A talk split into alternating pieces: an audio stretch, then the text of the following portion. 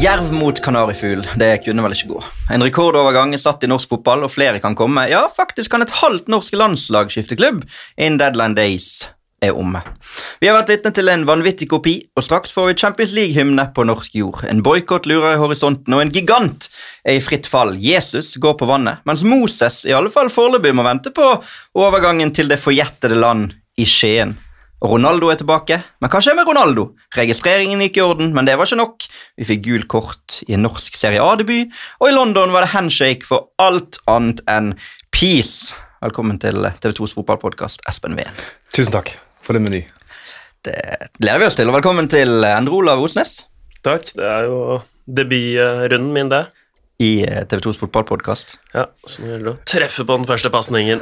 Og det gjorde du. Og eh, en annen debutant, Kristina Paulo Sivertsen, velkommen. Hjertelig takk for det.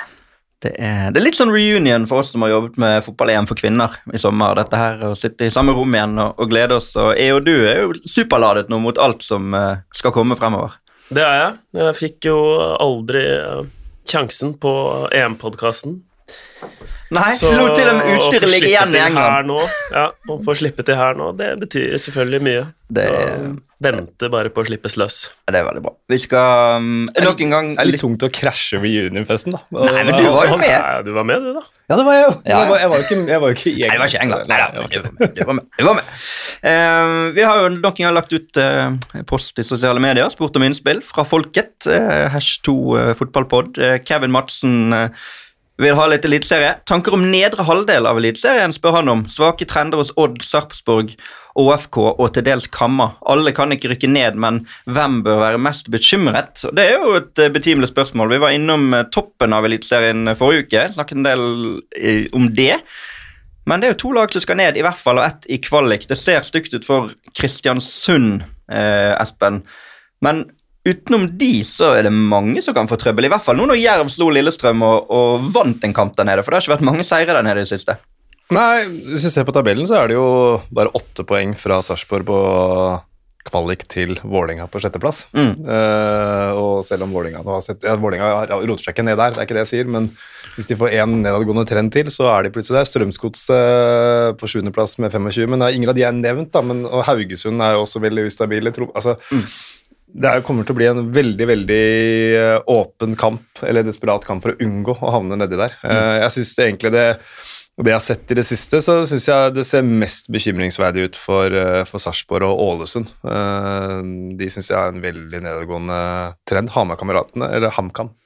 Kameratene. Jeg føler at Ja, de er det. De er jo kam kamerater, og nå er liksom han uh, sjefsbølla tilbake òg. jeg, jeg tror de kommer til å klare seg fint, fordi det der poenget mot Vålerenga nå Det er en sånn krigersk innstilling i den gjengen der. Som, Så jeg tror de kommer til å klare seg, men uh, Sarpsborg, Ålesund Jeg tror ikke Sandefjord er ute her heller. Så. Markus Pedersen med comeback der i 1-1 Ja. mot uh, Vålerenga. Uh, Sarpsborg seks strake tap, står på 19 poeng. HamKam har fire poeng, siste syv kampene står også på 19. Men som du sa, får i hvert fall noen uavgjorte. Odd har to poeng, siste fem, 20 poeng. Ålesund har to poeng, siste fem. Tre strake tap, står på 21 poeng. Og Sandefjord, som du nevnte, også 21 poeng. Fire poeng, siste fem kampene. Det, det er mange rundt om i Norge nå som ikke nødvendigvis bekymrer seg for helg til helg, men i hvert fall er spent da, på laget sitt. Ja, det forstår jo det godt, sånn sett. Altså, er det noe som betyr mer for folk enn en fotballaget sitt? Det er ikke mye. Eh, gå rundt og bite negler hele uka før en ny helg. Mm. Og det betyr jo mye å være i Eliteserien nå. Altså, Vi sitter jo selv i et mediehus der uh, vi skal ha rettighetene alene igjen neste sesong. Det er mye penger inne i bildet, og så er det klart at penger betyr ikke alt, men det er jo lett å si, da, men det er viktigere enn noensinne å bite seg fast i toppen her, og det har jo klubbene sjøl også vært klare på. Endre Olav. Ja, ja, ja. Og det er jo um, Vi gleder oss jo veldig til, til det her, så det er jo Jeg følger jo Vålerenga litt eh, ekstra i øyeblikket, og det er jo gledelig å se da, at de spinner litt på momentum, selv om ehm, de ikke gikk veien eh, sist. Mm. Så, men Jerv, eh, Kristiansund Vi kan vel eh, Ja. Man skal selvfølgelig aldri avskrive, men det ser vrient ut for Jerv, da. Mm. Men de fikk en seier nå, slo LSK, som da avga viktige poeng i toppen. Har kun tatt ett av de siste seks tilgjengelige poengene og har måttet se Molde dra litt fra. Bodø-Glimt, Rosenborg eh, gjorde jobben i helgen. Eh, kan bli tøft bare få medalje for Lillestrøm. De vil nok sannsynligvis være fornøyd med sesongen nesten uansett hvordan det går. Men det er klart at når du er der oppe, så ønsker du å bli værende. men eh, Rosenborg gjør det bra igjen. Jeg må jo beklage, jeg kom i fare for å si Ole Sæter forrige uke. Fikk en konstruktiv tilbakemelding på det. Han heter selvfølgelig Ole Sæter. Ville ikke sagt Ole Gunnar Solskjær, f.eks. Den æren skal uttales æ, så den må jeg bare legge meg helt flat for.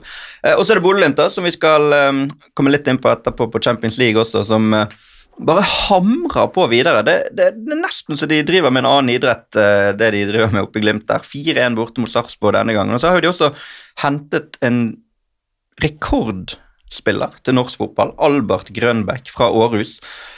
Vi har vel ikke fått en nøyaktig sum, men i hvert fall over 26 millioner kroner. Og da begynner vi å snakke litt når norske penger Ja. ikke bare får de pengene, men også bruker de pengene. Eh, og det blir jo veldig spennende. Ja, og det er jo eh, på tide, føler jeg, at man bruker litt eh, penger òg. Nå ser du jo, det betyr jo mye å spille i Eliteserien. Det er jo eh, veldig bra springbrett også for store ligaer. Blir jo solgt eh, spillere et eh, bankende kjør, men at man investerer litt sånn, det syns jeg er positivt å se. Og jeg tenkte kanskje, etter den Roma-sirkuset til Bodø-Glimt, at det var begynnelsen på slutten Mm. tenkte jeg, til, til den oppturen der. Men, så det har jo motbevist, og at man tør, eh, tør det. Vi satt jo her i en Premier League-podkast og snakket med eh, Hallgeir Kvadsheim fra Luksusfellen, og han snakket om Aston Villa sin, eh, sin pengebruk, som var eh, ganske vill, men at det kan være økonomisk gunstig, da. Å bruke mye penger også, som eh, fotballklubb. At de, de, de tør det, det viser jo eh, litt hvor breiale og selv, eh, fulle av selvtillit eh, de har, da. Mm. Og Det kommer til å skje flere ting også på overgangsmarkedet fremover. Vi kan bare glede oss til eh, Deadline Days, som kommer i, i neste ukene. Det er jo både et overgangsvindu som stenger i Norge og i Europa, henholdsvis 31. august og 1. september. Vi skal ha sending begge de to dagene. Torgeir Børven er tilbake i Vålerenga. eh, Redebuterte, som jeg har fått kritikk for før at det ikke er et ord, for det debutere kan man bare gjøre én gang, men gjorde i hvert fall comeback for Vålerenga i helgen. Og så er det jo, som jeg nevnte i introen, av Moses, eh, som kanskje drar til Odd, kanskje drar han til Ålesund, men han var ved Skien og fikk ikke noe kontrakt der. Så foreløpig er han i Tromsø, Espen, men det skal skje mye fremover. Ja, og de har tatt fra han draktnummeret. Ja, For Lasse Nordås som kom fra, fra Glimt, han spilte med nummer ni. Eh, så det er eh, Hva het han der eh, rørekoppen i England igjen? Han som eh, prøvde å skaffe seg klubb på deadline day. Odin Winji. Odemingi, ja. Det er jo litt sånn Odemingi over, over Moses her, når du reiser helt ned til Grenland og sluker deg hjem. Det er blytungt, altså. Som han kjørte sjøl, sånn som Odin gjorde når han dukket opp på Nei, det Loftus Road. kanskje ikke det. I hvert fall, Da håper jeg ikke har elbil, i hvert fall, for da Nei, det får vi se på. Nei, det, det blir spennende å se fremover. Eh, vi nevnte jo eh, Tromsø og Haugesund som to lag som vi kanskje tror er i ferd med å ta det spranget vekk. Haugesund har tre strake seire, Tromsø har åtte poeng på de siste fire kampene. Så den bunnkampen blir eh, spennende fremover, for det handler om å ikke falle ned til Obos. I Obos har vi også fått et eh, innspill fra Tord. Eh, Alfakrøll Smiley6098 på eh, Twitter. Hør litt eh, mer snakk om Obos, kanskje. Stjørdalsblink vant mot Stabæk. Sogndal setter press på Hansen og Mjøndalen. Brann cruiser mot Eliteserien. Og kan Brann gå en hel sesong uten tap? Vi kan jo begynne der.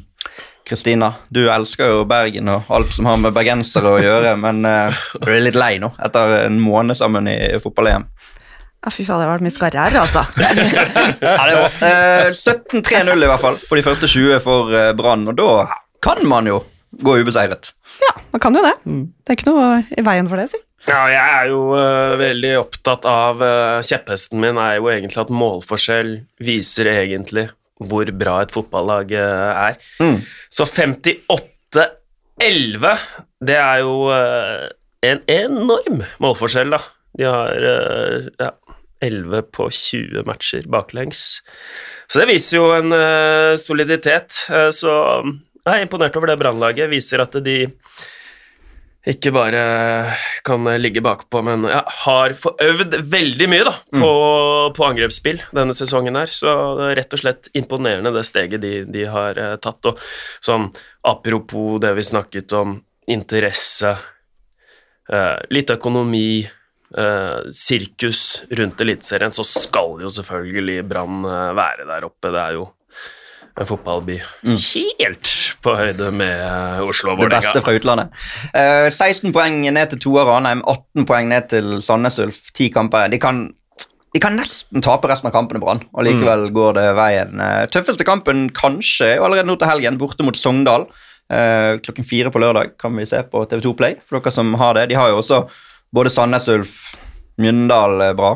Fredrikstad har de bortekamper mot. Så de har noen tøffe bortekamper. Åsane, kanskje typisk at tape, tapet, det ene tapet kommer mot Åsane, men eh, Sogndal, Tore André Flo, som eh, vår innsender nevnte, eh, vinner 4-0 i Mjøndalen. Og Mjøndalen-ballongen ser litt ut til å være sprukket, Espen. Vi har jo hatt glede av de i toppen av norsk fotball i noen år, men nå eh, Eller glede, noen har kanskje ikke hatt glede av de, men oss nøytrale i hvert fall har hatt glede av at en sånn klubb har vært der oppe. Men nå ser det ut som det kanskje har stoppet litt opp. De er nummer ti i Obos-ligaen akkurat nå. Ja, jeg syns den ballongen så fullstendig eh, sprukket og dau ut eh, på forsommeren ja, når de tapte 1-0 for eh, Kjelsås i cupen. Fikk vi nevnt det også. Det er greit når, du er fra Oslos tak. Men da var altså Kjelsås var jo midt på tabellen i Post Nord og var mange hakk bedre enn Mjøndalen bare da. Mm. så det spørs jo den, Vegard Hansen er jo en institusjon der, men eh, så er jo spørsmålet om den institusjonen skal vedvare eller ikke. Og, og så igjen, da. Er det han som går, eller er det de som ber han om å gå? Jeg, jeg, jeg, jeg, jeg, jeg tror ikke de kommer til å be han om å Nei, gå. han må jo få kunne styre ting sjøl, vel. Eller, Hvis det er noen i norsk fotball som kan det. Han har tross alt hatt det laget siden de var ingenting, holdt jeg på å si. Ikke Ja, går, stygt ord om eh, divisjonssystemet, men Det går ikke an å, å gjøre det. Men når vi er inne på på litt sånn nærområde, da, så må jeg jo si at KFUM, eh, de, de, eh, Der har jeg spilt eh, ball fram til jeg var juniorspiller, og det, det må jeg bare si er imponerende. Vi har alltid snakket litt sånn Det var jo en sesong eller, når Vålerenga var oppe, og så lå ja, Grorud, Skeid, Kjelsås, Lyn Det var liksom om å gjøre egentlig å bli første lag da, til å ta steget av det neste Oslo-laget. Da var bordet dekket. Det føler jeg KFM har gjort nå. Jørgen Isnes uh, sterkt, sterkt linka til eliteserieklubber før sesongen blir uh, kjøre på videre. Så, så det må jeg si er, eh, er imponerende. Eh, så, og de, de har egentlig tatt ett steg hver eneste sesong, så det blir spennende å, å følge der. Ja, det, blir, det er jo en ekstremt spennende kamp på, på mandag i Obos, da, helt i bånn der, med Grorud-Skeid, Mm. eh, som jeg er litt opptatt av. Jeg bor jo sånn at jeg ser ned på Grorud kunstgress, og Skeid er jo barndomsklubben min. Eh, og det ser ekstremt mørkt ut for Grorud nå. Hvor ligger hjertet ditt da, i den kampen der? Eh, hjertet mitt ligger i Skeid. Gjør det. Det gjør det. Selv om jeg, jeg, jeg har blitt, jeg har blitt glad i. Grorud gjennom, uh, gjennom åra, og hadde, det har vært gøy å ha hatt i, i Obos, men Ja. nå, nå tror jeg det er slutt. Ja. Nå ser det det ser så mørkt ut. Eh, men jeg leste i lokalavisa her om dagen at eh, han treneren han er ikke i fare, Nei. sånn sett. Men, eh, men Skeid er jo i kjempeform. Altså, Skeid har har jo doblet poengfangsten de på de siste tre ja, rundene ja, altså sine. De var jo helt sjanseløse på vårparten der. Eller sjanseløse og sjanseløse. De klarte ikke å vinne fotballkamper. De hadde vel en ekstremt god prestasjon hjemme mot Brann, blant annet. Tapte jo 2-3 tre- i den gjorde Ja, ja, ja. Mm. Gode lag. Eh, klarte ikke å vippe noen ting i sin favør, men nå har de begynt å, å faktisk få til det. da.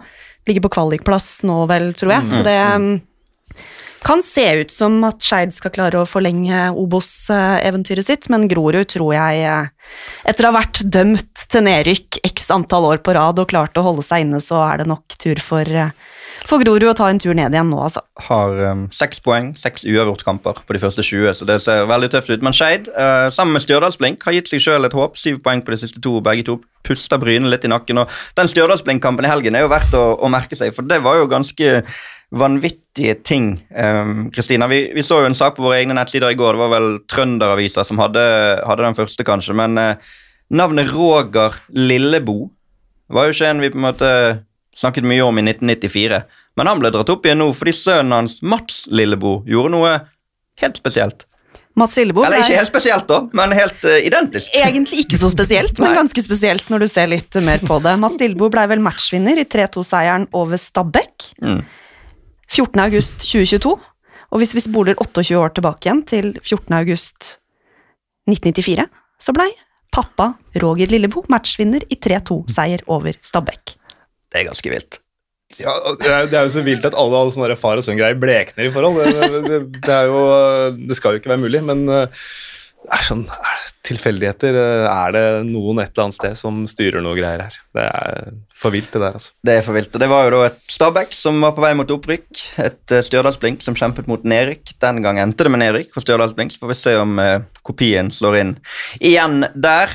Um, mer internasjonalt eh, skal vi over til nå, fordi at Bodø-Glimt som vi nevnte, skal spille Champions League eh, playoff i kveld. Sendestart halv ni på TV2. Der er det bare å tune inn. Eh, Dinamo Zagreb på motsatt side av banen. Første, muligens første Champions League-laget fra Norge siden 2008.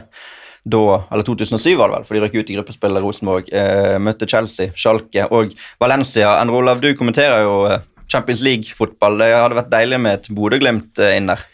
Ja, det hadde vært helt fantastisk. Jeg bare håper at de har lært, egentlig, siden, uh, siden sist. Uh, hvor han eh, egentlig Mourinho bare utmanøvrerte uh, Kjetil Knutsen uh, og, og ofret en keepertrener for en hovedtrener og tok ut den viktigste brikken, egentlig, før uh, Ja, Du frykter det kan komme litt sånn skitne triks? Ja, men det er jo sånn fotball er. Mm. De, de ble jo egentlig eh, Det nytter ikke å bare skulle møte dem med et smil. Eh, Da må man eh, lære siden, mm. siden sist. Så hvis de har gjort det, så går det. Hvis ikke, så blir det et eh, Blir det den tunge turen eh, Vi er nære. ut av eh, Ja. Vi er nære å ha et norsk lag inn i Champions League. Vi, Molde tapte på bortemål mot Ferencvaros for to år siden. Rosenborg tapte mot nettopp Dynamo Zagreb eh, på samme stadie i 2019. 1-3 sammenlagt. Men det føles jo som at dette Bodø-Glimt-laget er litt bedre, eller i hvert fall har vist bedre resultater mot internasjonal motstand enn det de lagene gjorde. Det Mm. føles i hvert fall sånn. Ja, der, eh, selv, om det, selv om Roma til slutt fikk sin hevn, så Mm. Ja, men det er et hakk opp. Ja, ja, klart det er det.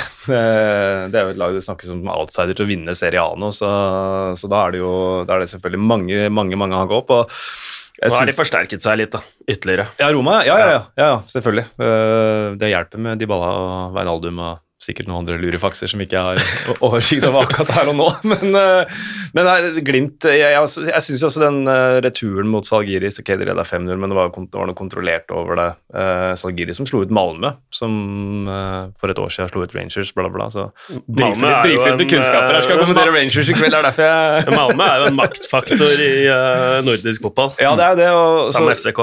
ja, så vinne 6-1 over Salgiris det, Jeg tror kanskje ikke de har fått helt kreden de fortjente for, eh, for den prestasjonen. eh, For vi er blitt, de har vært så gode. De er så gode. Mm. Men de kommer med en helt annen ballast, og de kommer med en selvtillit som og nå et rekordkjøp. Så blir jo sikkert jeg i hvert fall litt sånn eh, det, Man er seg sjøl nærmest og tenker at Dynamo Zagreb de har jo ikke sett spesielt mye fotball de Nei. siste 45 åra. Så, Nei, så jeg håper Glimt eh, er bedre. Ja, De har jo eh, møtt litt norske lag, da. Eh, Møtte som nevnt Rosenborg i 2019, møtte Molde i 2015. Slo da ut de på bortemål i tredje kvalikrunde i Champions League.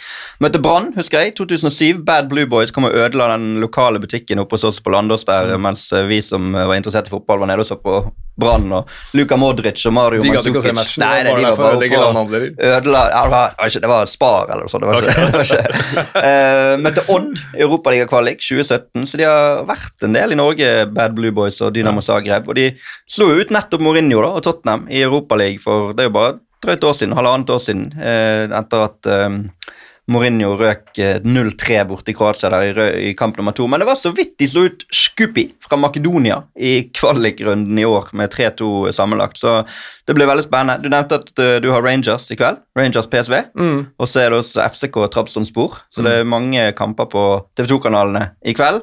Og nye kamper i morgen, bl.a. Dynamo Kiev mot Benfica. Så masse å glede seg til. Vi har jo også Molde som skal møte Wolfsberg, og Viking som skal møte Staua i Conference League. Så mange norske lag i aksjon i Europa. Og det er også norske kvinnelag som skal i aksjon i Europa denne uken, Kristina.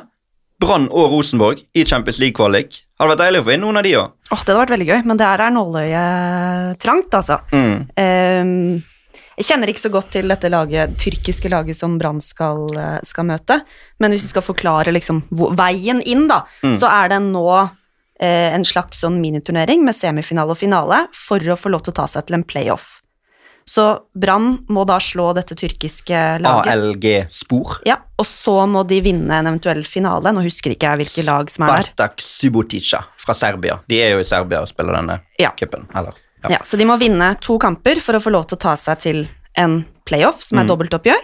Eh, Rosenborg det samme. De skal møte Breidablikk i Mm. sin første kamp, og Breidablikk klarte jo faktisk å ta seg til Champions League gruppespill i fjor. Eh, var liksom overraskelsen som klarte å lure seg inn der blant de store kanonene, så nåløyet er trangt, men eh, altså, nå har jo i hvert fall eh, både Brann og Rosenborg fått bedre trekning enn f.eks. Real Madrid og Manchester City her, som har havna i samme gruppe. Så det betyr at to ganske store kanoner ikke kommer til å spille eh, Champions League. Det høres jo ganske overkommelig ut. Hvordan vil du sette sånn eh, Brann kontra Manchester United på nivå i eh, kvinnefotballen? Det er vanskelig, altså Manchester United er jo et er nok sannsynligvis et ganske mye bedre lag enn Brann. Ja, mener du det? De er ikke mye dårligere, eller? Brann? Det er vanskelig å det vurdere.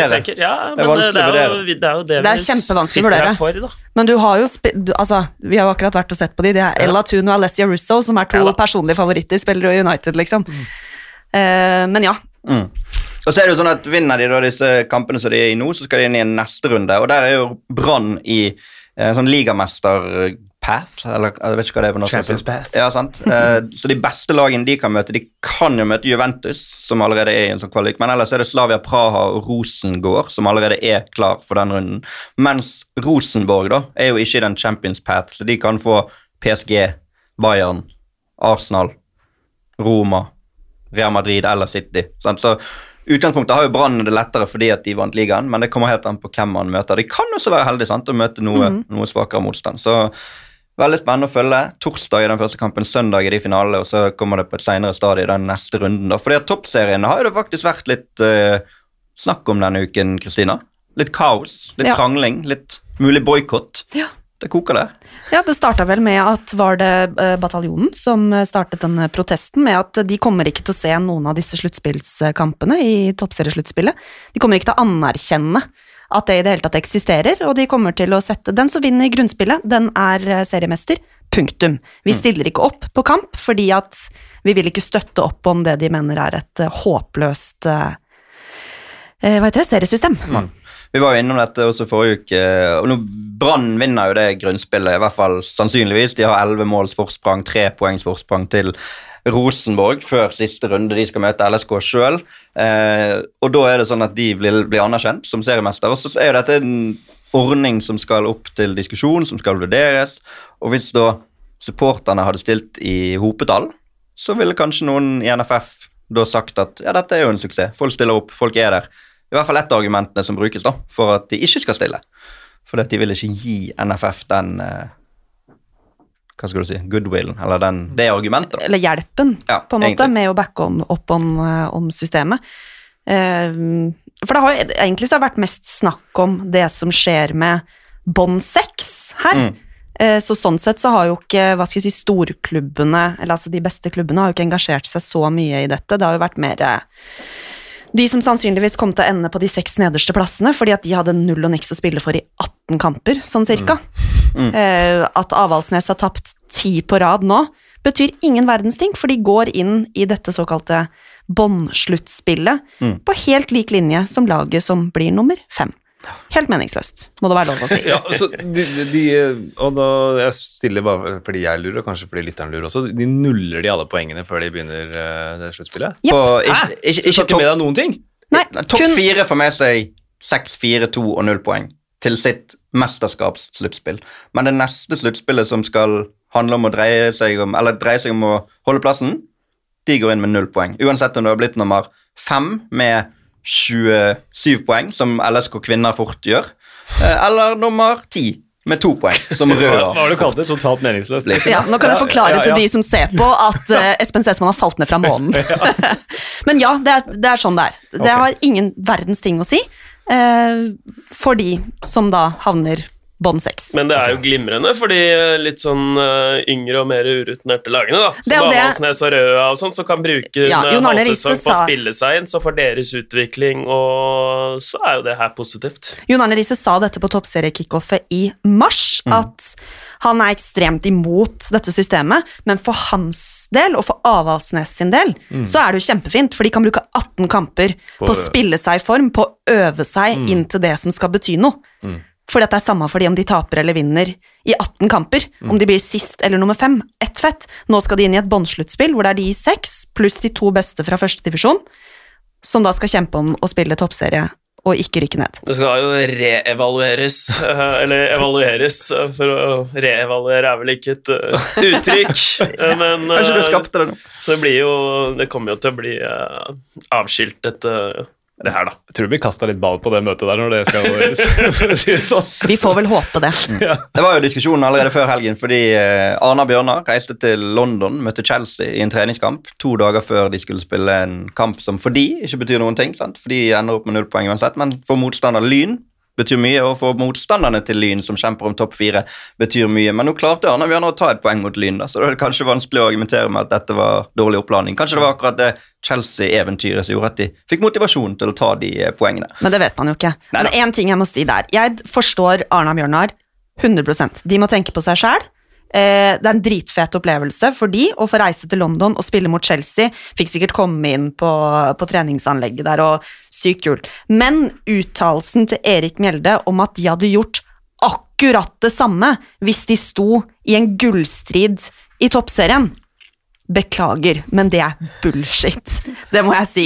Hadde, du, hadde aldri reist for å spille en treningskamp to dager før en, en avgjørende, eller i hvert fall tellende. Seriekamp, da. Det er, er det er tull. Han skal få lov til å si det, men det er jeg helt sikker på at det er tull. Ja, jeg beklager Erik Melle Nå er ikke Erik å her til å forsvare seg. Kanskje vi må sende en SMS til han etterpå og høre om han har lyst til å komme med et tilsvar. God kommunikasjon. Ja da. Det gikk eh, Det fikk poeng. Eh, Stabæk kan ikke nødvendigvis klage for mye på at Arna Bjørnar tok eh, det poenget mot Lyn, og Stabæk styrer det nesten sjøl. Vinner de sin siste kamp, så ender de på 27 poeng mot Arna Bjørnar. Det kan Lyn og LSK ta igjen, men de har både møter mot, eller de har møter mot Vålerenga og møter mot Brann. Så det blir spennende å se hvem som blir det fjerde laget i det sluttspillet. Som kanskje ikke betyr så mye i det store bildet, men det betyr jo Det er jo en ligamester. Altså, eller en, det heter vel kanskje ikke ligamester, en mester, da, som skal kåres. Selv om supporterne ikke anerkjenner det sluttspillet.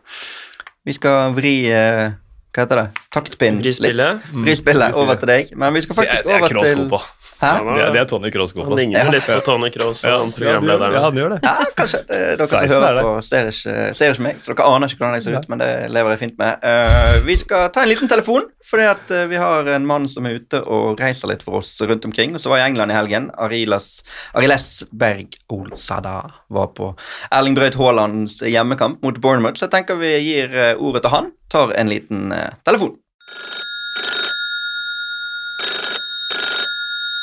Hei, Ariles. Hvor er du? Nå er jeg på Aker stadion i Molde. Ja. Der eh, skjer det jo ting i disse dager også, både nasjonalt og internasjonalt, kanskje.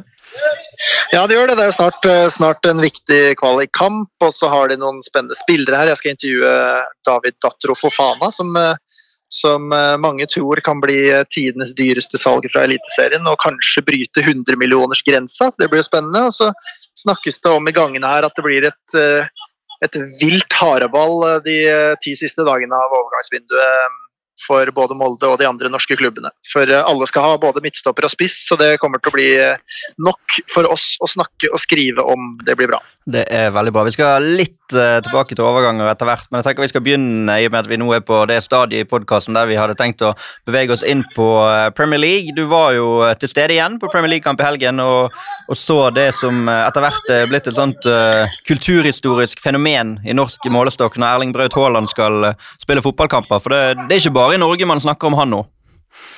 Nei, det er helt voldsom eh, oppmerksomhet rundt han.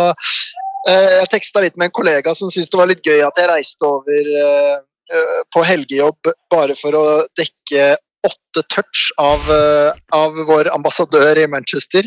Um, og det er jo én måte å se det på. Um, det er jo sprøtt å se den gigantiske oppmerksomheten og kontrastene.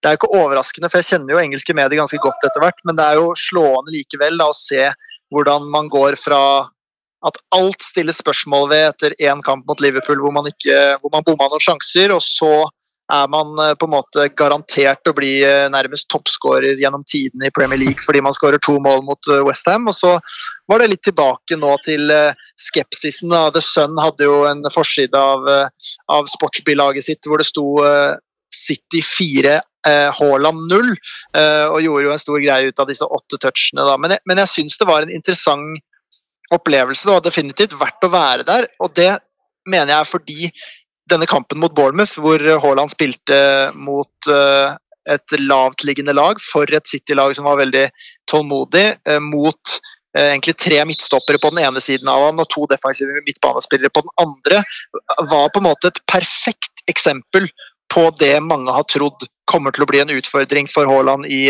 City.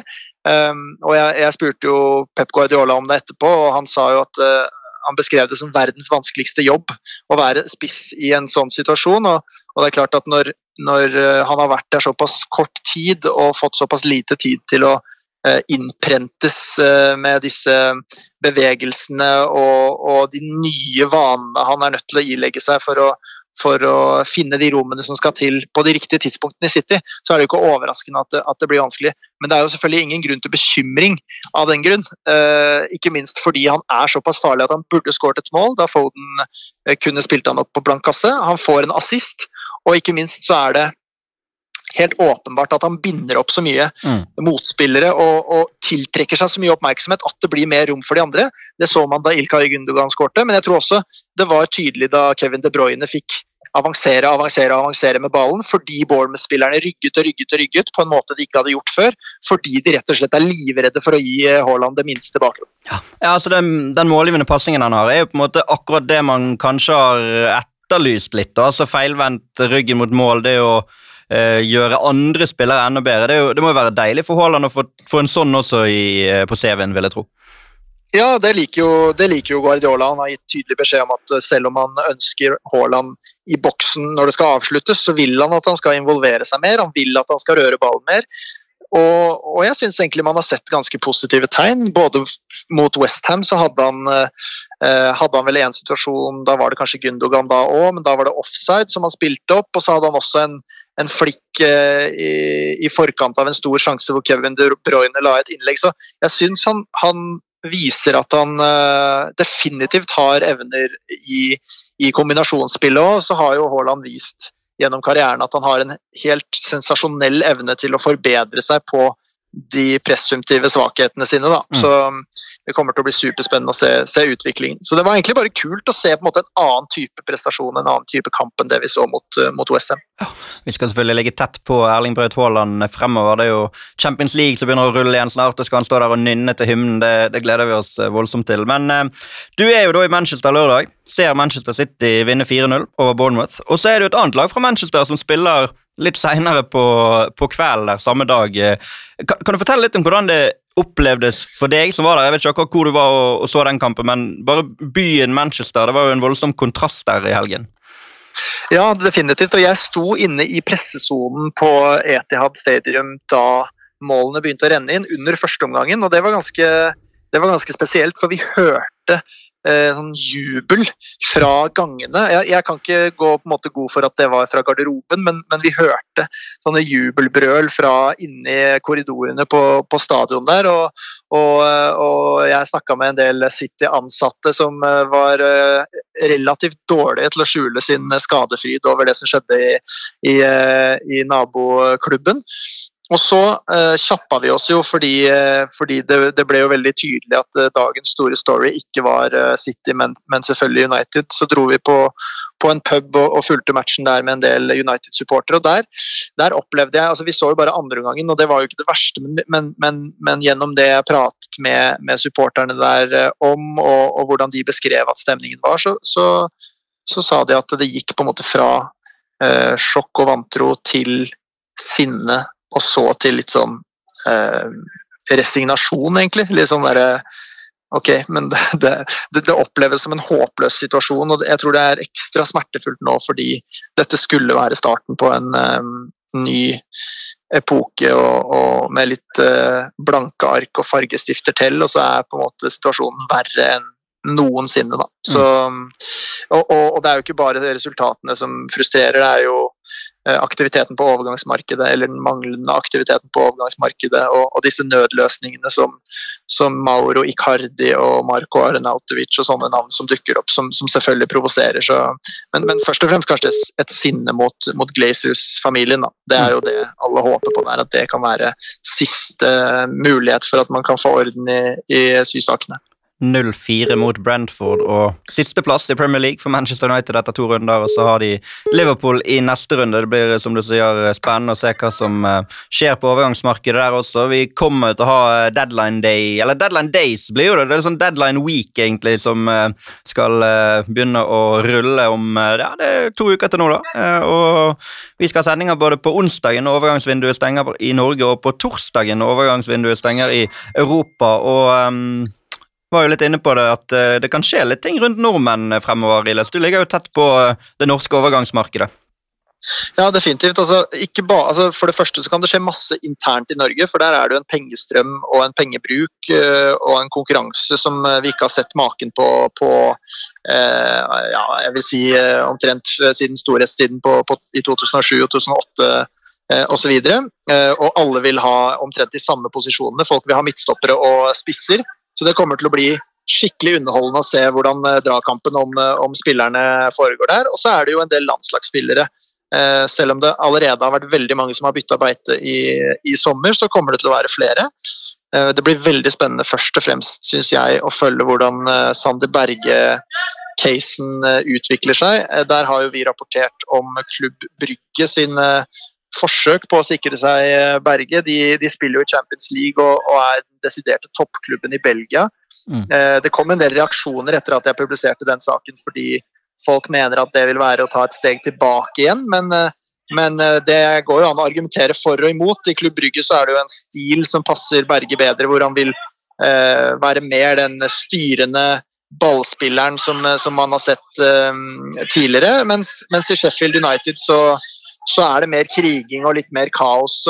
Eh, det valget er jo ikke tatt av Sander Berge, og foreløpig så nekter jo Sheffield United å selge han òg, Så, så, der er det mm, vanskelig å si hva som kommer til å skje. AC Milan har blitt koblet. Det er eh, foreløpig ikke veldig konkret, sånn som, eh, sånn som jeg forstår det. Men, men, Sander Berge, det kan bli superspennende. Um, og så er det noen spillere som sliter med spilletid. Nå har vi akkurat fått beskjed om at Marius Lode har terminert kontrakten i Schalke 04. Han må ha ny klubb. Eh, Bodø-Glimt hadde lyst til å hente han på lån. Eh, da kunne de på en måte sluppet unna med å betale en del av lønnen hans f.eks. Nå må de jo betale hele lønnen hans, og da tror jeg det er en del europeiske klubber som er mer konkurransedyktige. Eh, Fredrik Bjørkan er ute i kulden i Hertha Berlin og kommer nok til å forlate den klubben. Da sannsynligvis på et salg. Og der er det interesse både fra Nederland og fra eh, klubber i championship i England osv. Så, videre. så det blir definitivt en sak å følge eh, tett med på.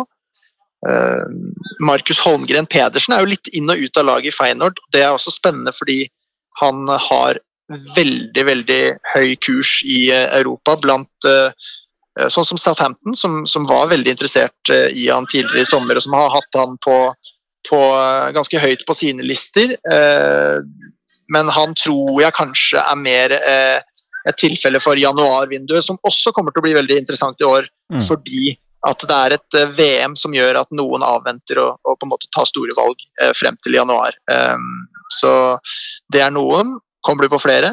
Ja, Kanskje den største overgangen, da, hvis det blir noe da, fra, også fra Feyenoord i midtbaneleddet. Nå eh, har det ikke skjedd noe der foreløpig, da, men det var vel en sak ute i går fra oss, var ikke det? På Fredrik Aursnes?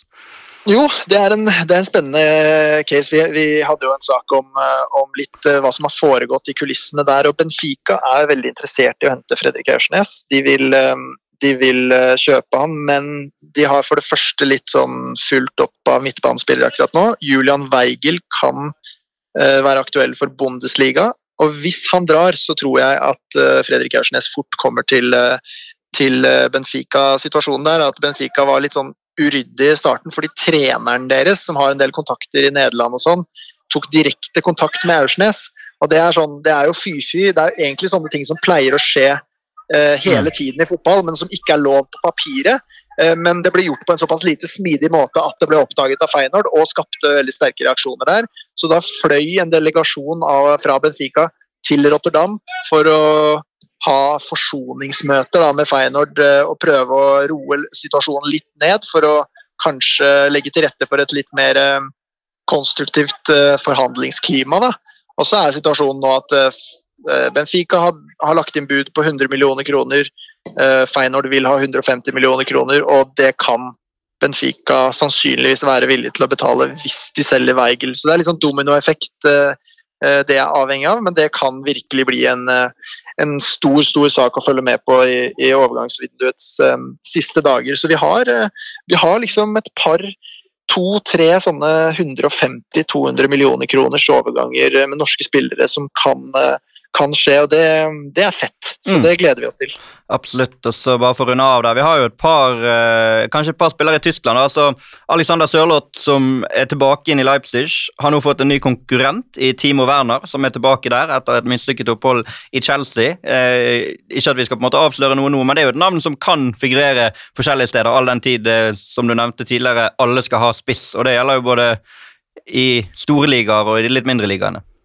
Ja, helt klart. Og, og Sørloth, der har jo uh, situasjonen endra seg litt over sommeren. Først så var han jo mest aktuell for å komme tilbake til Real Sociedad, fordi, uh, fordi uh, han var egentlig ute i kulden i, i, Leipzig.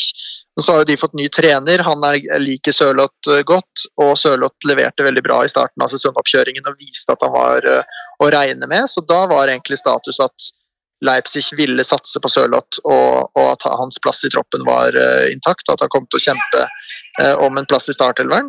Og så er det selvfølgelig sånn at Når de får muligheten til å hente tilbake Timo Werner, så begynner jo ting å bli litt mer komplisert. Uh, da er det tøffere å få spilletid, og da kan det jo plutselig åpne seg en ny situasjon hvor så vidt jeg vet, så har vel ikke Real Sociedad hentet spiss ennå, så de vil fortsatt være i markedet. Mm. Masse tyrkiske klubber vil selvfølgelig være i markedet, og, og kanskje andre. Så den er litt, litt, mer ullen og litt mer sånn Det er, det er litt mindre konkret informasjon knytta til Sørloth, men definitivt en å følge med på som vi kommer til å ta jevnlige sjekker på. og og som det kanskje kan se noe på. Så det, det mangler ikke av, eh, av, action inn mot deadline. Mange faktorer som påvirker der. altså Sociedad har jo en Alexander Isak som plutselig kan bli aktuell for store klubber hvis de bestemmer seg for å sprenge banken. Trabzonspor kan gå til Champions League og kan ønske seg en mann tilbake. Så det, det er mange baller i luften her. Bare siste navnet før vi runder av med deg, Ariles, er jo um, Rune Almelding Jarstein, vår um, landslagskeeper, som ikke for øyeblikket har vært førstevalg for landslaget, i hvert fall, for der uh, begynte det å dukke opp litt historier fra tyske medier i helgen, og han ser ut til å være ferdig, han, i Herta. Ja, han har i hvert fall vært Han er uh, suspendert etter en krangel internt, og all den tid han virker å være andre keeper der uansett inn i sesongen, så tror jeg definitivt den beste løsningen for han ville vært å terminere den kontrakten eller bli solgt til et annet sted. Men keepermarkedet er jo vanskelig, da. Fordi Ørjan Hårskjold Nyland f.eks. må vi også nevne. Han er jo klubbløs foreløpig, som han ofte har vært de siste årene, mellom klubber. Han har hatt masse tilbud, men foreløpig ikke noe han selv har sett på som interessant, fordi Nyland har en uh, prioritet, og det er å beholde uh, plassen på landslaget hvor han har blitt førstekeeper. Og da må han spille på et nivå som tilsier at uh, han både spiller fast, men også er på, et, er, på et, høyt nok nivå. Så det hviskes og tiskes litt om sånn Sverige, Danmark osv. Men keepermarkedet er supervanskelig fordi Eh, det er keepere, det er veldig få klubber som går inn i en sesong og nærmer seg seriestart uten å ha planen klar for mennesket. førstekeeper. Det er på en måte en mer sårbar og mer satt posisjon. Mm. Så, så, Jarstein kom jo litt sent til festen der, men, eh, men det kan jo definitivt skje noe. Så egentlig, de, egentlig to landslagskeepere som kan, eh, kan prege nyhetsbildet. Det er det absolutt. Eh, du får kose deg videre på Molde-trening, og så får du eh, se om du klarer å lure ut noe av eh, Fofana. da. Og så takker vi for ditt bidrag, Ariles. Det var deilig. Herlig. Ha en fortsatt fin dag. Det var en liten prat med Ariles. Deilig å la andre slippe litt ord òg, Espen. Absolutt. Det er det beste som finnes, det. Siste, ja, siste vi var inne på der, var jo Rune Almenning Jarstein. Vi snakket også om Manchester United. Vet at han er Manchester United-supporter. Kanskje han kan få seg et par år som reservekeeper på Old Trafford eh, før han skal tilbake til Skien. Ja da, det har vært eh, rarere keepersigneringer enn det. Men det spørs om ikke de finner en closer to home, som det heter der borte. Det sitter sikkert en eller annen lurifaks som spilte i Premier League for sju år siden, som kan tenke seg Tredjekeeper er drømmejobben. Ja, det er har vi- din drømmejobb, ja. Ja, min drømmejobb. Men uh, Hvorfor det? Bare for å være rundt laget, bra lønn Ja, du reiser med laget, går, altså, særlig bortekamp, da, reiser med laget ut og varmer opp keeperne litt, grann, går og tar deg en dusj, og så setter du deg på beste setene i huset, får betalt, kanskje på én kamp i april når alt er avgjort. Tredjekeeper på et stort eh, lag. Men det er tungt det når da du må utpå fordi første og andre keeper er uh, skada, Ja, er og du som- er ikke forberedt. Ja, men det er ingen som forventer noe, ikke sant? så det er, det er bare vinn, vinn, vinn, vinn, vinn. Så ja. Men um, apropos ikke forberedt, vi må litt innom Manchester Uniteds 0-4 mot Brentford, vi også. For um, det har jo vært stygt, og det har vært uh, kanskje ligget litt i gjerdet at det kommer en sånn som det der, men det var ikke bra å se Erik Ten Hags Manchester United første 40 minuttene i London på lørdag. Nei, det var vel omtrent like dårlig, kanskje, og enda dårligere enn eh, de 90 minuttene mot Brighton på stampen av forrige sesong. Eh, mener å huske at jeg tenkte da at det her er vel noe av det verste jeg har sett av Manchester United i nyere tid, og så topper de, eller bunner de, da, mot eh, Brentford de 35 minuttene der, så det er jo det er pill råttent. Det er eh, det er så lavt lavmål som du kan få det for en, for en klubb av den, eh, med den statusen og den betydningen for mange mennesker. Og ikke noe til å ta noe vekk fra Brentford, men kom igjen. Det skal ikke skje, liksom. Fin stadion, Brentford. Dere var jo der i sommer en del, Endre Olav. Fantastisk stadion. Da var det jo varmt og satt med solbriller og kommenterte i solveggen, og det var så harmonisk og god stemning. Moderne. Ikke for stor, ikke for liten. Helt nydelig. Så, men eh, ja. Eh, Jeg fikk jo Satt jo og skulle kommentere kamp i Barcelona, men jeg så jo skåringsvarslene og har sett gollene etterpå. Det er jo det er jo radbrekkende. Eh, Jeg tenker det er litt sånn der Ajax-fotball på sitt verste. Ajax-fotball på sitt beste er fantastisk. Jeg tenkte i gruppespillet i Champions League i fjor, Ten Hag og Ajax akkurat nå, et av de beste lagene i Europa. Eh, For når det funker, ser det fantastisk ut. Men eh, det er bare å presse høyt. Det er oppskriften når man møter United. Ja, 0-2 der er jo grusomt. Altså, det, det går jo ikke. Stå høyt. Så, og så er jo dette Cristiano Ronaldo-spørsmålet, da. En krevende fyr. Nå ser jeg på deg, Kristina, og det, det er vanskelig å, å svare på det, selvfølgelig, men at det påvirker, er jo det ingen tvil om. Ja, det må jo gjøre det. Altså, så mye føss, og eh, vil han vekk, vil man ha han der eh, Det er så mye greier. Eh, og man har jo sett i fotballklubber tidligere at Cristiano Ronaldo tar jo ganske mye plass Mm. i en garderobe, i en spillertropp på banen. Ja. Mm. Hva, ja. Hva var det du sa at det var radbrekkende forsvarsspill? Sa jeg det? 2-0-målet. Det var du som sa det.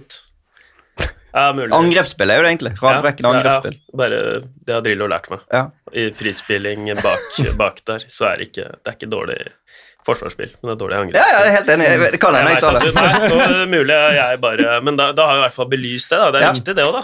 Absolutt. Vi må få litt drill over hver gang. fotball er jo prat. Ja, fotball er Og da må man prate riktig om det, og sannsynligvis gjorde du det.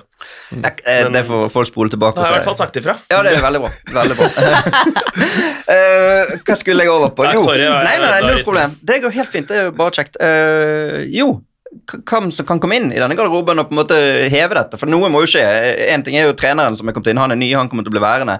Eh, Ryktene om spillere er jo Arnautovic ble ikke noe av. Aubameyang snakkes det noe om. Adrien Rabiot med, på mor som agent på kjøpet. Det, det føles jo ikke som de navnene liksom er det som trengs inn der til Ten Hag-prosjektet. Nei, og Rabiot som vel gjorde seg eh, uspiselig for Deschamps før EM 2016, tror jeg det var, når han nekta å være på den reservelista. Og, ok, så han har hatt en, kanskje en oppadgående kurve totalt sett i Juventus, men, men han har jo ikke blitt det man trodde han skulle bli da, han var, eh, da, han, da vi først begynte å høre om han. Eh, å hente han, samme om det koster 150 millioner kroner eller 500 000 millioner. Er, han, ikke det, eller det er ikke spillertypen som skal inn og heve det Manchester United-laget der.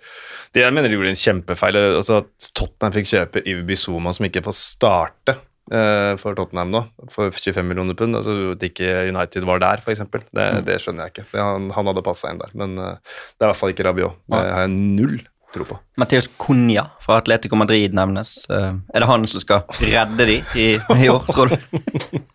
En god, eh, Det god spiller, det, altså. Ja. Eh, men det er vel heller ikke helt eh, den spilleren eh, jeg tror men, men hvem vet? Altså, han gjorde mange gode kamper når han fikk spille for, for Atletico i fjor, men han er jo ikke den som eh, hva skal jeg si, bærer et lag og, og liksom kan løfte et helt lag opp, da. Nei. For det er jo kanskje en sånn type du trenger nå. Du trenger en som virkelig går først i krigen og får med seg, Mm. får med seg resten og, og klarer å det, vet, Du må ha en skikkelig leder, da, tydeligvis. Du må ha Jamie Vardy, og der har det faktisk også vært rykter. Han må heve et dårlig lag til å bli et godt lag bare med egen uh, tilstedeværelse. Og Det er jo sykt å si om en 35 år gammel spiss, men det er kanskje en sånn type, faktisk. Men han, som må eh, til. han, han er jo ung og er jo, har jo landskamper Han spiller jo litt for Brasil nå og sånt, og kan jo kanskje være en som kan passe litt inn i Premier League, da, for han kan skape mye kaos på topp der. Han kan liksom eh, få fram den indre Diego Costa i seg, da.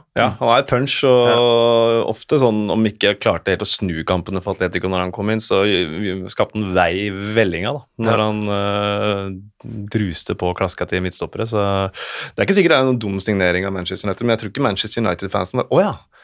Nå er det greit, hvis de henter en som ikke fikk starte for Atletico noe særlig forrige sesong. da. Ja.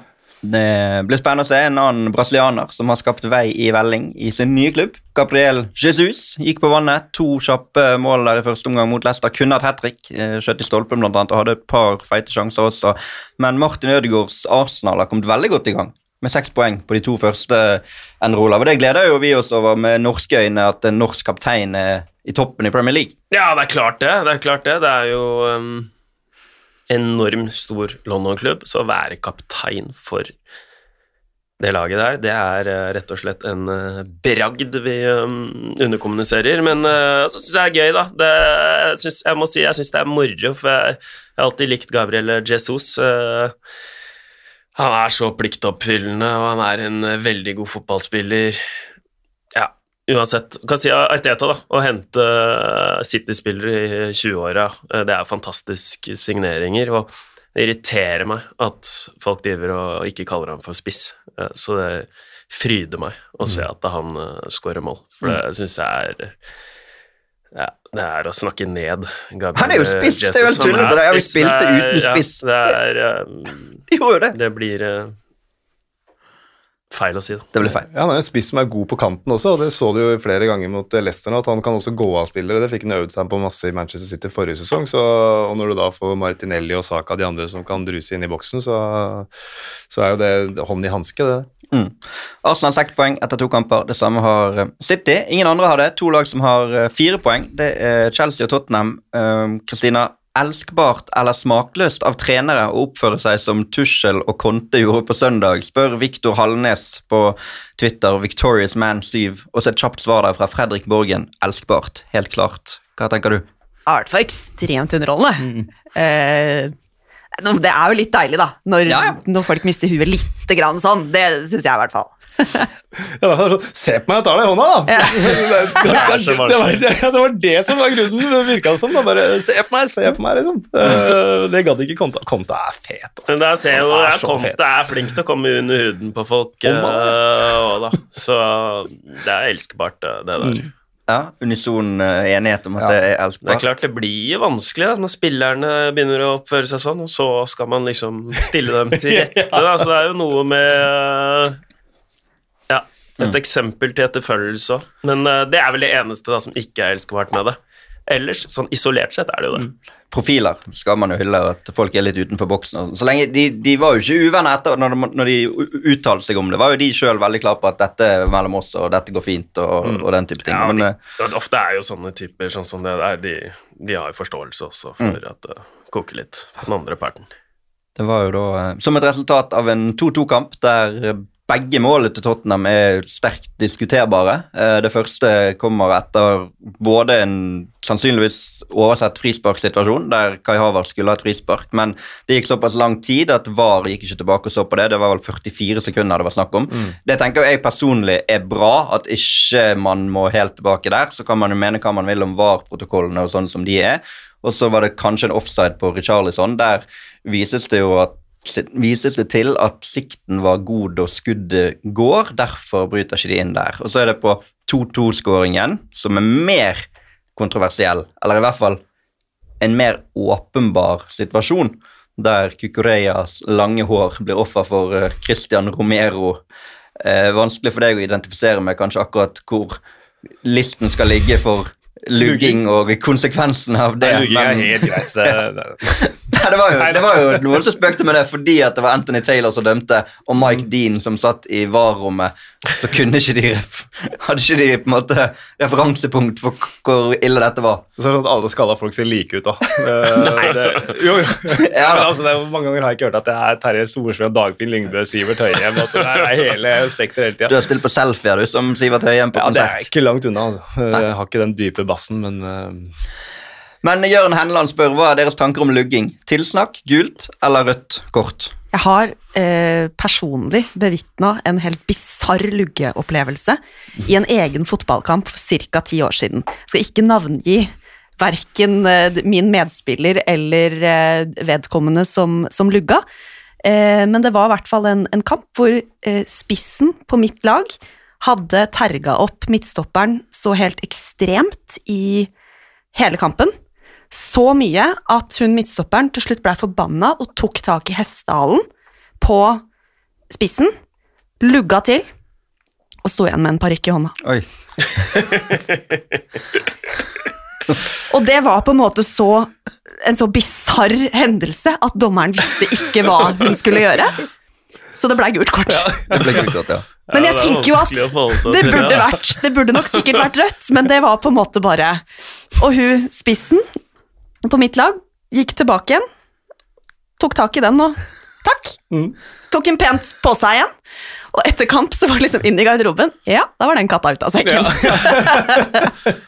hun, er hadde, hun hadde altså hår under, eh, men det var fletta, sånn at hun hadde et liksom flottere hår Ja. oppå. Og Ja. det hadde hun alltid spilt med, men ingen visste det. aha. Men da fikk vi vite det, og det blei gult kort. Jeg tenker det burde vært rødt. Lugging er vel ikke greit. Ja, det er ganske håndfast bevis òg, da. Nå står der med parykken i hånda. Eh, men jeg, jeg, jeg, jeg mener det er ganske sånn ydmykende å lugge noen, ass. Eh, Det jeg føler, det er på eh, samme nivå som spytting, nesten. Mm. Så jeg gir rødt til det. Du mener rødt, ja. Altså, ja, for det, var, jo- det er jo Det ble diskutert også hva kunne de ta det på, fordi, men violent conduct, da. Altså, det, er jo, det er jo violent conduct å lugge noen. Mm. Selv om det ikke er et slag, så, så er det jo det. Så ja, han burde vært utvist. Og så er det jo spesielt her at det er jo den corneren før den corneren de skårer på. dette skjer på. Hadde det skjedd, hadde de skåret, så kunne de tatt det. For da kunne de vurdert det som en situasjon i foranledningen til eh, en scoring og tatt det på det. Men her er den eneste vurderingen VAR kan gjøre, om det skal være rødt kort. For hvis det skal være rødt kort, da eh, kan VAR gå inn. Ja, de så jo på den. Ja, jo, jo, men da kunne de sendt bort Anthony Taylor og sagt dette er soleklart rødt kort, denne må du se på. For i England der har de ikke den listen som de har i andre europeiske ligaer, der de kan sende dommeren bort for å gjøre en vurdering på om det skal være gult eller rødt kort. For at dette skulle vært noe Anthony Taylor måtte bort og se på, så måtte Mike Dean vært helt overbevist om at dette er soleklart rødt kort. Så kan man mene hva man vil om det og den listen, men det har aldri skjedd på tre år i England at en dommer har blitt anbefalt å se på en rødt kort-situasjon og gitt gult i stedet.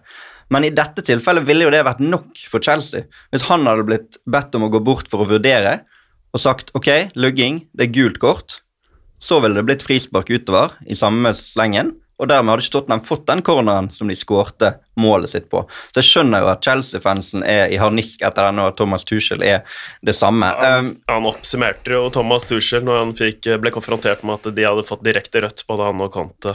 Another poor decision by the referee. Ja da, han var sterk der, Thomas Tuchel, etterpå. Så var det mange som dro den parallellen til Louis van Gaal, som mente i 2016, da Fellaini ble dratt i håret av Robert Huth, at dette var kun lov i sex masochism. Det var det eneste stedet man kunne holde på sånn som det. Og den gang fikk jo Robert ut tre kampers karantene i etterkant. For det, hadde jo, det var før VAR, det var noe dommerne ikke hadde sett. Men det kan ikke Christian Romero få nå, fordi at dommerne har sett på det, VAR har sett på det og vurdert at det ikke er rødt kort. Uh, Fellaini lugget sjøl Matteo Gendusi i 2017, nei 2018, unnskyld. Det så dommeren. Ga frispark, ingen kort. Georgia Stanway, husker du den situasjonen på Tobin Heat, Ski Belize Cup, for to år siden? Lugget eh, Tobin Heat England mot USA for kvinner. Hun fikk gult kort. Cristiano Ronaldo hadde en lugging i Champions League for Juventus. Han fikk rødt kort. Så det er liksom ikke noe presedens her. Hvor, hvor ligger lugging? Altså, hva er lugging? Er det gult? Er det rødt?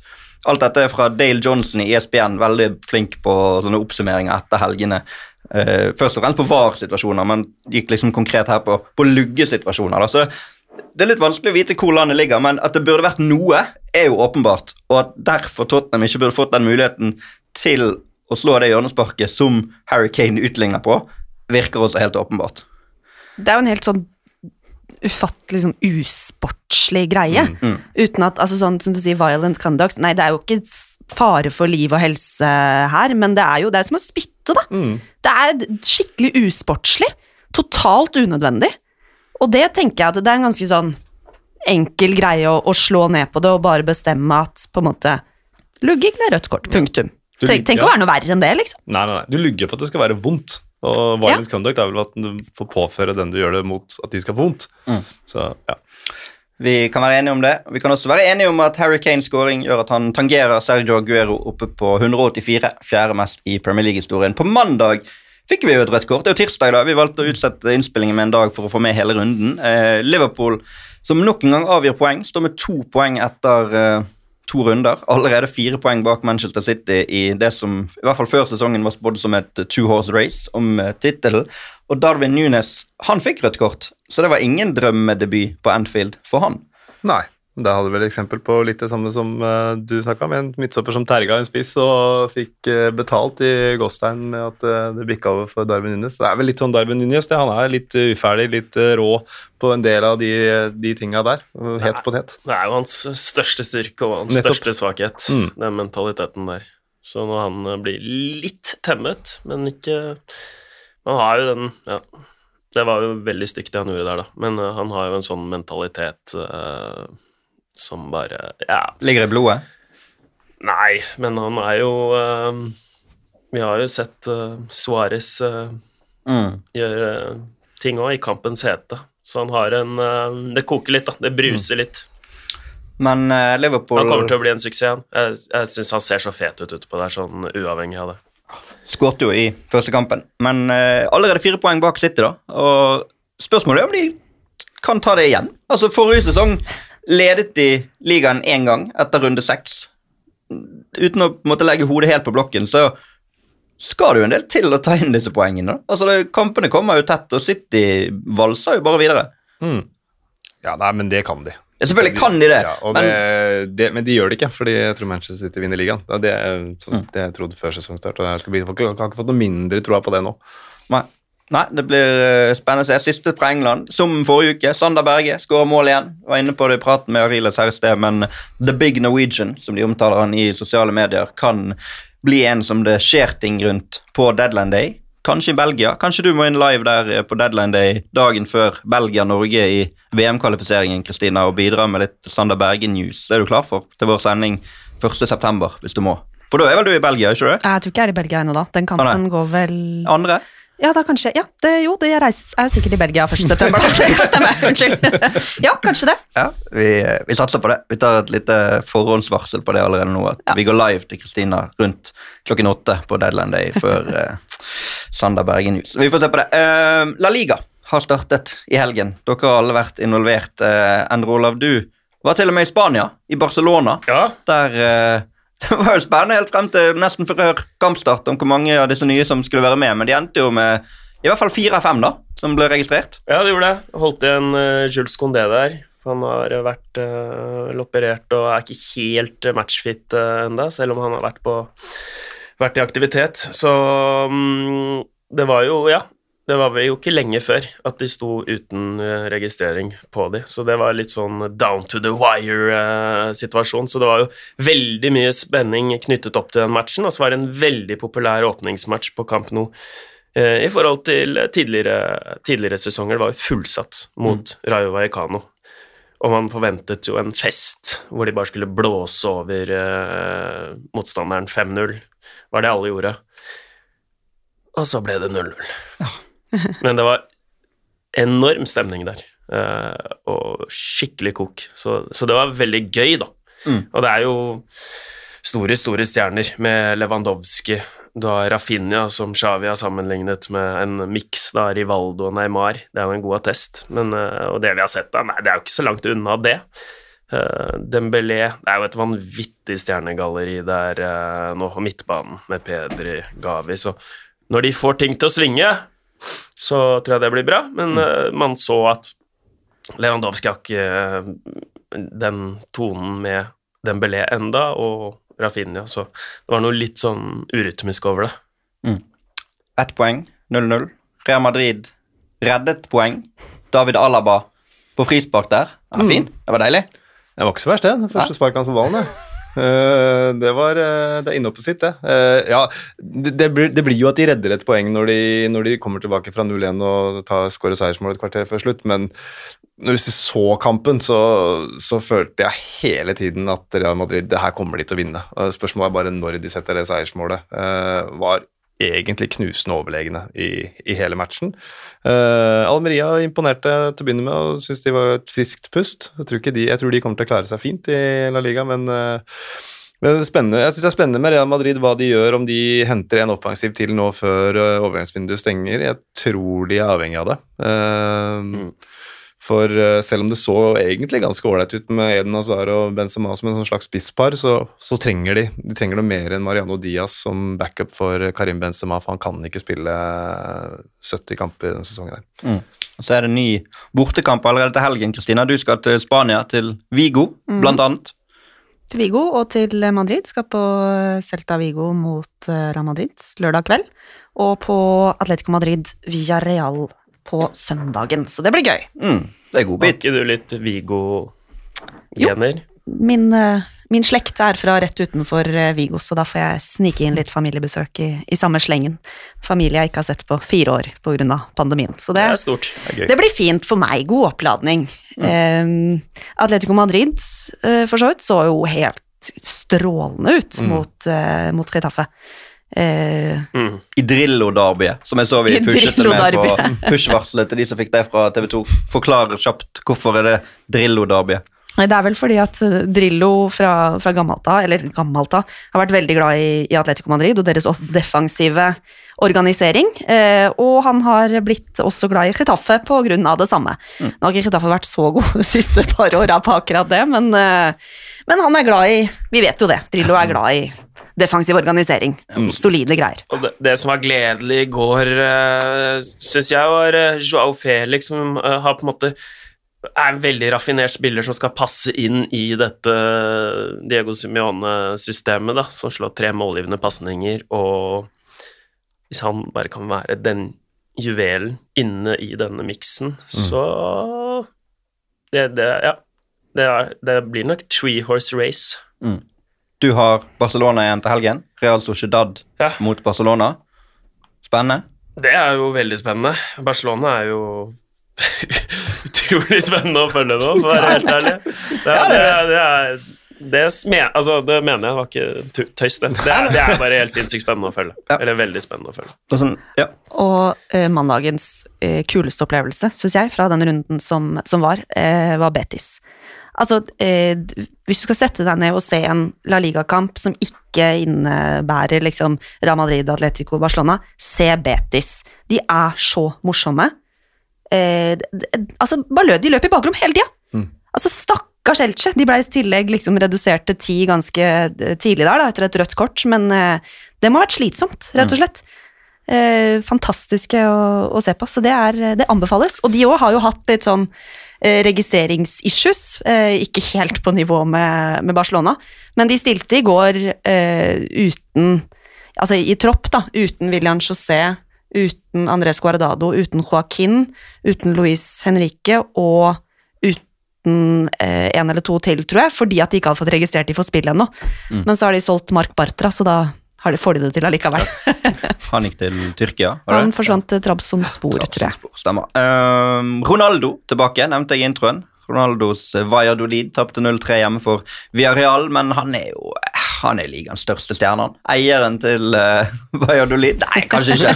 Kanskje drøyt, jo, men han, han er jo enorm. ja, er, hver gang du ser han, så blir du bare glad, syns jeg. da. ja, ja, han er jo den største stjerna samme hvor han går. Ja. Uh, Så da var han jo per def ligas største stjerne også, selv om uh, vi selvfølgelig sier det med et glimt i øyet. Ja da, Nei, han, er, han, er sånn, han har vært den viktigste personen i ethvert rom han har gått inn i nå siste 30-40 årene. Så, Ja, ja. så er, Kanskje med unntak når han traff Maradona. Ja. Altså sånn, de to Kanskje ikke. da. Jo, kanskje. Nei, kanskje ikke. Men uh, Sevilla Real. Sevilla Real Valladolid er neste der fredag kveld, så da er det håp om å få noen bilder av han fra tribunen, kanskje, hvis han tar turen nedover dit. Um, nordmenn i Italia er det greit å svippe innom. Vi nevnte det før eh, runden at det var mange som kunne komme til å være i aksjon. Det var ikke så mange som spilte når alt kom til alt, men Christian Thorsvedt debuterte med gult kort og 80 minutter mot, mot Juventus. Emil Konradsen Seid fikk de siste ti. Det var vel et dobbeltbytte der. Han og jeg husker ikke, men i hvert fall kom inn for Thorsvedt. Angel Di Maria herjet jo for Juventus sammen med Dusan Vlaovic. Det er litt sånn under radaren-overgang, kanskje. den Di Maria til Juventus. Det tror jeg vi kan få mye glede av i, i Champions League utover også, for han er jo han er jo helt der oppe, egentlig. Ja, han er det, men jeg har hørt om ham så lenge. Hvor gammel er han blitt nå? Jeg ikke det. Er, er han 34? Jeg 34. Ja, det er det jeg, jeg, jeg, jeg, jeg, jeg, jeg, så gammel. 33 ja, forrige jeg tenker 34, jeg også, men det er mulig han er, Han er eh, yngre. 88-modell, det helt riktig. 34 år. Men der er det også Dusan Vlaovic som er, eh, Ja da, han er eh, overskriften. da, At hva han kan utrette en hel sesong i Juventus. Det kan bli fryktinngytende. Så var vi innom eh, Roma og deres tittelkandidatur. Vinner 1-0 mot Salernitana. Botheim eh, får en eh, drøy time der, som da blir hans Serie A-debut. Julian Kristoffersen 17 minutter som innbytter. På benken sammen med Kristoffersen sitter jo Frank Ribberi fremdeles. Det er jo litt gøy at han er i aksjon sammen med disse nordmennene i Salernitana. Det er en mann som har spilt VM-finale og blitt topp tre i Ballon d'Or. Så kult. Det må være kult å spille med han, tenker jeg da. Jeg tenker det er gøy å komme på treningsfelt og Frank der. Det må jo være helt uh, nydelig, det. Så Det er jo, Salernitana er jo sånt litt sånn mino- mini-Napoli. Det, er- det er jo virkelig kok der nede, og jeg må jo si Botheim han har på en måte ferdighetene, looken, til å spille Serie A-fotball, så han håper jeg får det til. Jeg blir en slags uh, norsk Totti der nede. Det hadde vært uh, stort. Han er ikke helt ulik heller, sånn typemessig. Nei da.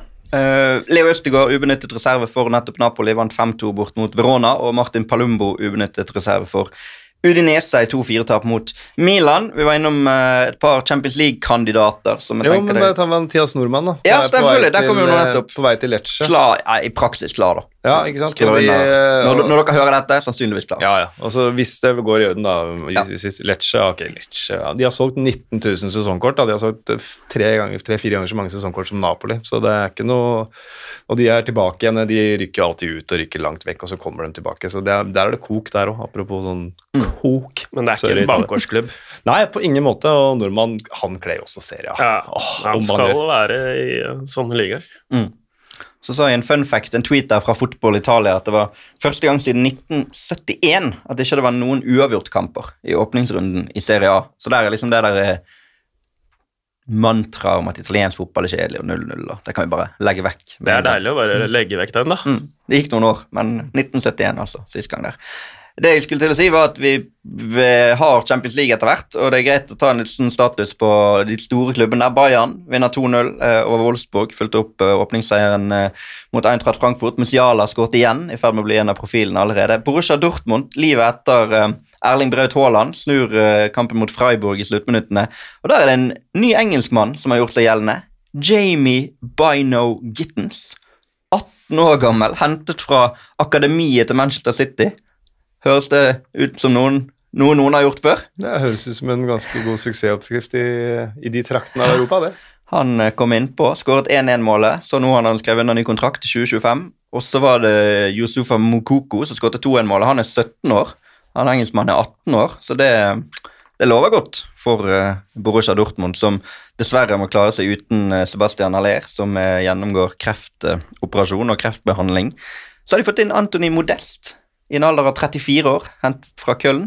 Og han spilte hele kampen i helgen. Du vet hvem han har inspirert? Husker vi snakket om det Nei. i um, EM-podkasten vår?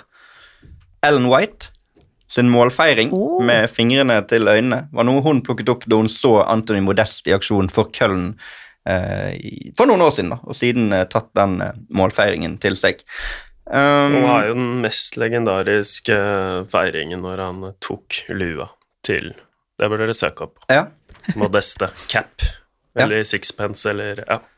Men den er ikke den faste. er Den er med briller er fast. Ja. Men ja, ja. Den, absolutt. det er en- du har sett den, eller? Ja, ja, jeg tror det. Ja. Um, vi var innom Messi i forrige uke. PSG det var ikke han som stjal overskriftene denne gang, men de skåret fem igjen. Vant 5-2 over Montpellier. Men uh, en situasjon som har rullet i sosiale medier etter det, er jo Kylian Mbappé som ikke får ball. Spesielt at det er den store snakkisen, men det har blitt litt det denne gangen, Espen. Ja, for han, eh, det var en kontring, og så Jeg lurer på om ikke det er Hakimi eller noe som eh, drar, Ja, Eller en annen. Vitinha, tror jeg kanskje. Vitinha er det som har ballen, og så har han med seg Hakimi på høyre, og så har eh, Mbappé Tavarom eh, på venstre. Spiller Hakimi. Det gidder ikke Mbappé, så da stopper han. Midt i kontringa. Han bare stopper. Det her gidder jeg ikke.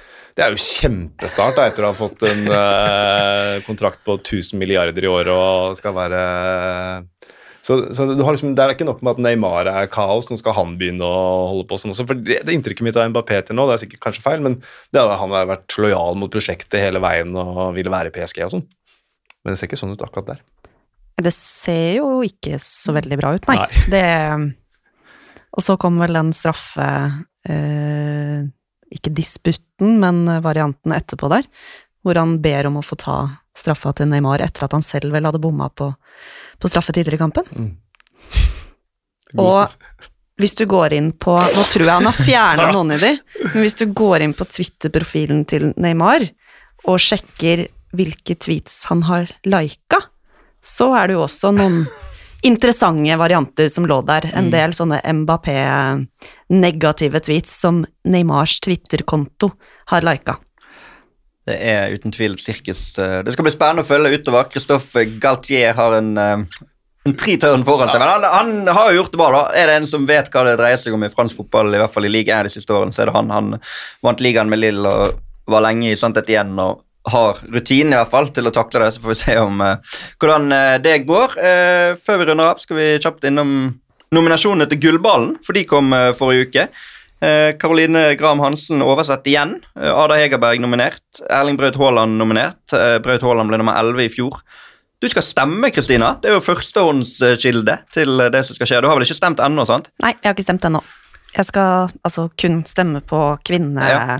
kvinnekåringen, da. Eh, skal sende inn mine topp fem kandidater Mm. av de 20 som er plukket ut.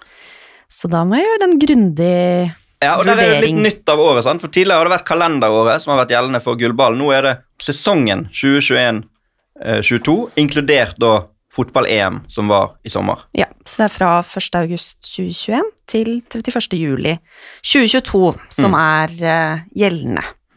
Og Da er jo spørsmålet, er det Alexia Puteas, fjorårsvinneren, som er favoritten? Hun mistet jo EM med sin korsbåndskade. Det er ganske sånn åpent race, egentlig, for eh, sånn jeg ser det i hvert fall, fra, for eh, gullballen på, på kvinnesida, fordi at eh, Barcelona var fantastiske i hjemlig serie og spilte seg til finale i Champions League, men de tapte den finalen. Lyon var fantastiske i den finalen og i hjemlig serie, men det var egentlig ingen Lyon-spillere som presterte så veldig godt i EM. Eh, og England, som gikk hen og vant hele EM, har jo ikke så mange spillere som har vært helt sånn elleville i klubbfotballen, så det er ganske åpent, og jeg vet fortsatt ikke helt hvordan jeg skal eh, stokke stemmeseddelen min eh, helt ennå, men det, det blir morsomt. Men det, det er en som jeg syns det er veldig synd at altså Caroline Graham Hansen hadde nok også fortjent å være inne på, på den topp 20-nominasjonslista, men en jeg syns er veldig synd at ikke er der, er Kira Walsh. Eh, Englands midtbanegeneral ble vel kåra til finalens beste spiller i, i EM-finalen, og var helt fantastisk for England, og har vært veldig god også for, for Manchester City. Eh, synd at hun ikke er med der, men jeg tror ikke hun, hun hadde jo sannsynligvis ikke vært en som hadde vunnet totalt sett allikevel, men eh, ja.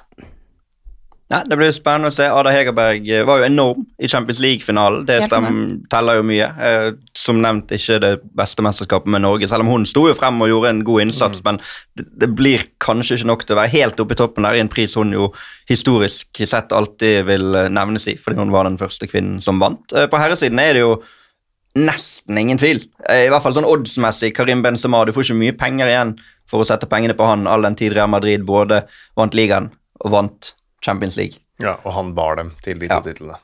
Så hvis noen andre enn Karim Benzema vinner den nå, så er jo det like dust som at Robert Lewandowski ikke fikk en når de avlyste Ballon d'Or i 2020. Mm. For det stemmer, ja. Ja. ja. Det er riktig. Det var jo litt snakk om um, Sadio Mané på vårparten etter at Senegal hadde vunnet Afrikamesterskapet før da Liverpool endte opp med å ikke vinne Champions League. Hadde de vunnet Champions League, og kanskje ligaen, så går jo det an å si at han er absolutt er der oppe. Nå er det vel Salah og van Dijk, tror jeg, som på en måte neste på listen etter Benzema, men du får sånn nesten 20 ganger pengene på de, så det, det blir nok Karim Benzema. Så er det første gang siden 2005 at ikke Lionel Messi er nominert til denne prisen. De har jo gått litt ned på kriteriene, for før har det vært sånn at totaliteten av karrieren din også skal være en faktor i dette, men det er det ikke lenger. Og da eh, holdt ikke PSGs eh, Messi-sesong, holdt jeg på å si, Messis PSG-sesong. Og det er jo fair. ja altså det Selv om han er fantastisk, så har ikke han prestert så godt i 2021-2022, da. Nei, og det har vært et litt sånn merkelig kriterium, òg, at man skal vurdere en spiller ut ifra sesongen han eller hun har levert, og så skal liksom hele karrieren teller med. Det blir jo litt merkelig. Det er jo en del, Altså, for da skal man kåre verdens beste fotballspiller totalt sett, mens her er det jo den beste spilleren det siste året, og da kan jo ikke tidligere meritter telle med i utgangspunktet, mener jeg. Han er kanskje tilbake til neste års gullballsending, eller gullballkåring, det vet man ikke. Ja, det som er så moro med de gullballenkåringene. I hvert fall med det kriteriet nå som er fjernet, da. Det er enda mer ferskvære. Det kommer til å bli en, eh, en bra kveld, tror jeg. Vi skal sende den eh, kåringen igjen. Kan vi begynne å reklamere for den allerede nå. 17. oktober kommer den eh, gullballen-kåringen. Holde av datoen. Ja, den må du holde. av. Bare noter det med en gang, i hvert fall alle dere. Gjerne ha dere med på sending. Og nei da. Eh, det er Nei. vel også Jo da. Altså, men jeg skal ikke sitte med bemanningsansvar i TV 2-sporten. Det tror jeg skal bli opp til alle. Men eh, hvis det er opp til meg, så sitter alle dere tre og snakker eh, fotball på TV 2s plattformer den 17. oktober. Tror vi runder av det. Espen, er ikke det greit? Det er kjempefint, det. Det var gøy, det. Ja, Kos deg. Ja. Takk for at du kom. Takk for at jeg fikk komme. Takk for at du kom, Olav. Det var en glede. Debuten gikk bra? Ja, Det er ikke jeg riktig uh, til å vurdere, men jeg syns ikke jeg bomma på sånn altfor mye pasninger. Jeg føler, føler det var helt greit, men jeg skal ikke sitte og kjøre en evaluering av meg nå. Nei, Det får bli opp til dere som har hørt på. Kom med tilbakemeldinger på eh, totaliteten, men også på Endre Olavs Men eh, jeg syns du var imponerende. Ja, men det er hyggelig. Takk for eh, det. Takk for at du var med, Kristine. Takk, takk. Og takk til moderne medier som legger til rette for at vi får gjøre dette. Kom med ratings, og skryt gjerne av både Endre Olav og resten av gjengen på der du hører på podkast. Og så satser vi på at noen sitter her og snakker igjen neste uke. Ha det bra! Moderne media.